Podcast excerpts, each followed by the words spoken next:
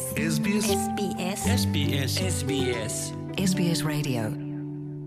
දෙදහස් විසි දෙකේ සැප්තම්බර් හය වනද ආස්ට්‍රලයාාවේ කොවිට් අත්තය පිළිබඳ යාවත්කාරණ තොරතුරු වෙත දැන් අපි අවධානයමු කරමු.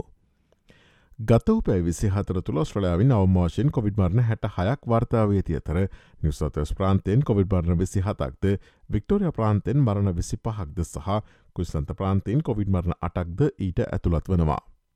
ලෝන් කොවිට්ටත්වය ආබාධිත තත්ත්වයක් ලෙස හඳුනා ගැනීම පිළිබඳ ඔස්ට්‍රලයාාවට සලකා බෙලිය හැකි බව මධ්‍යම පාලිමෙන්තුවේ කම්කරු පක්ෂමන්ත්‍රී වෛද්‍ය මයික් ෆ්‍රීලන්ඩ පැවසවා. ඇමරිකා ඇතුළු ඇතම් රටවලද මේ සිදු කරන බව ඔහු ප්‍රකාශ කලා. වෛද්‍ය ෆ්‍රීලන්ඩ යනු ලෝන් කොවිට් සහ නැවත සිදුවන කොවිඩ් ආසාධනවල බලපෑම් විමර්ශණය කරන පාලිමෙන්තු කමිටුවේ සභහපතිවරයයි. ඔස්ට්‍රලයාාවට ශාරීරික සහ මානසික සෞඛ්‍ය සහය නිවාස සහ රැක ආදර සපයන යම්මාකාරයක බහුවිද ලෝන් කොවිඩ් සායනයක් අවශ්‍ය වනු ඇති බව ඔහු ABC ගුවන්නදිලියේ උදෑසන වැඩස්ට්‍රහන්ට පැවසවා.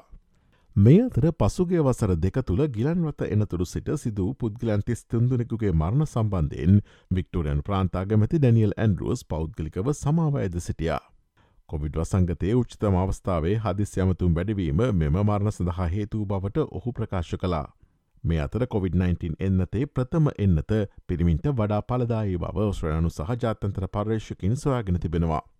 පිරිමින්ට සාපේක්ෂව කාන්තාවන්ට එන්නත්වල රිනාත්මක අතුරු ආබාධ අත්වදීම බහුලව සිදුවන බව මෙම පර්ේෂණය ප්‍රධාන කර්තුරු සහ මෙල්බන් විශ්වවිද්‍යාලය මහචාරය කැසෙන්ඩා සෝක් පැවසවා.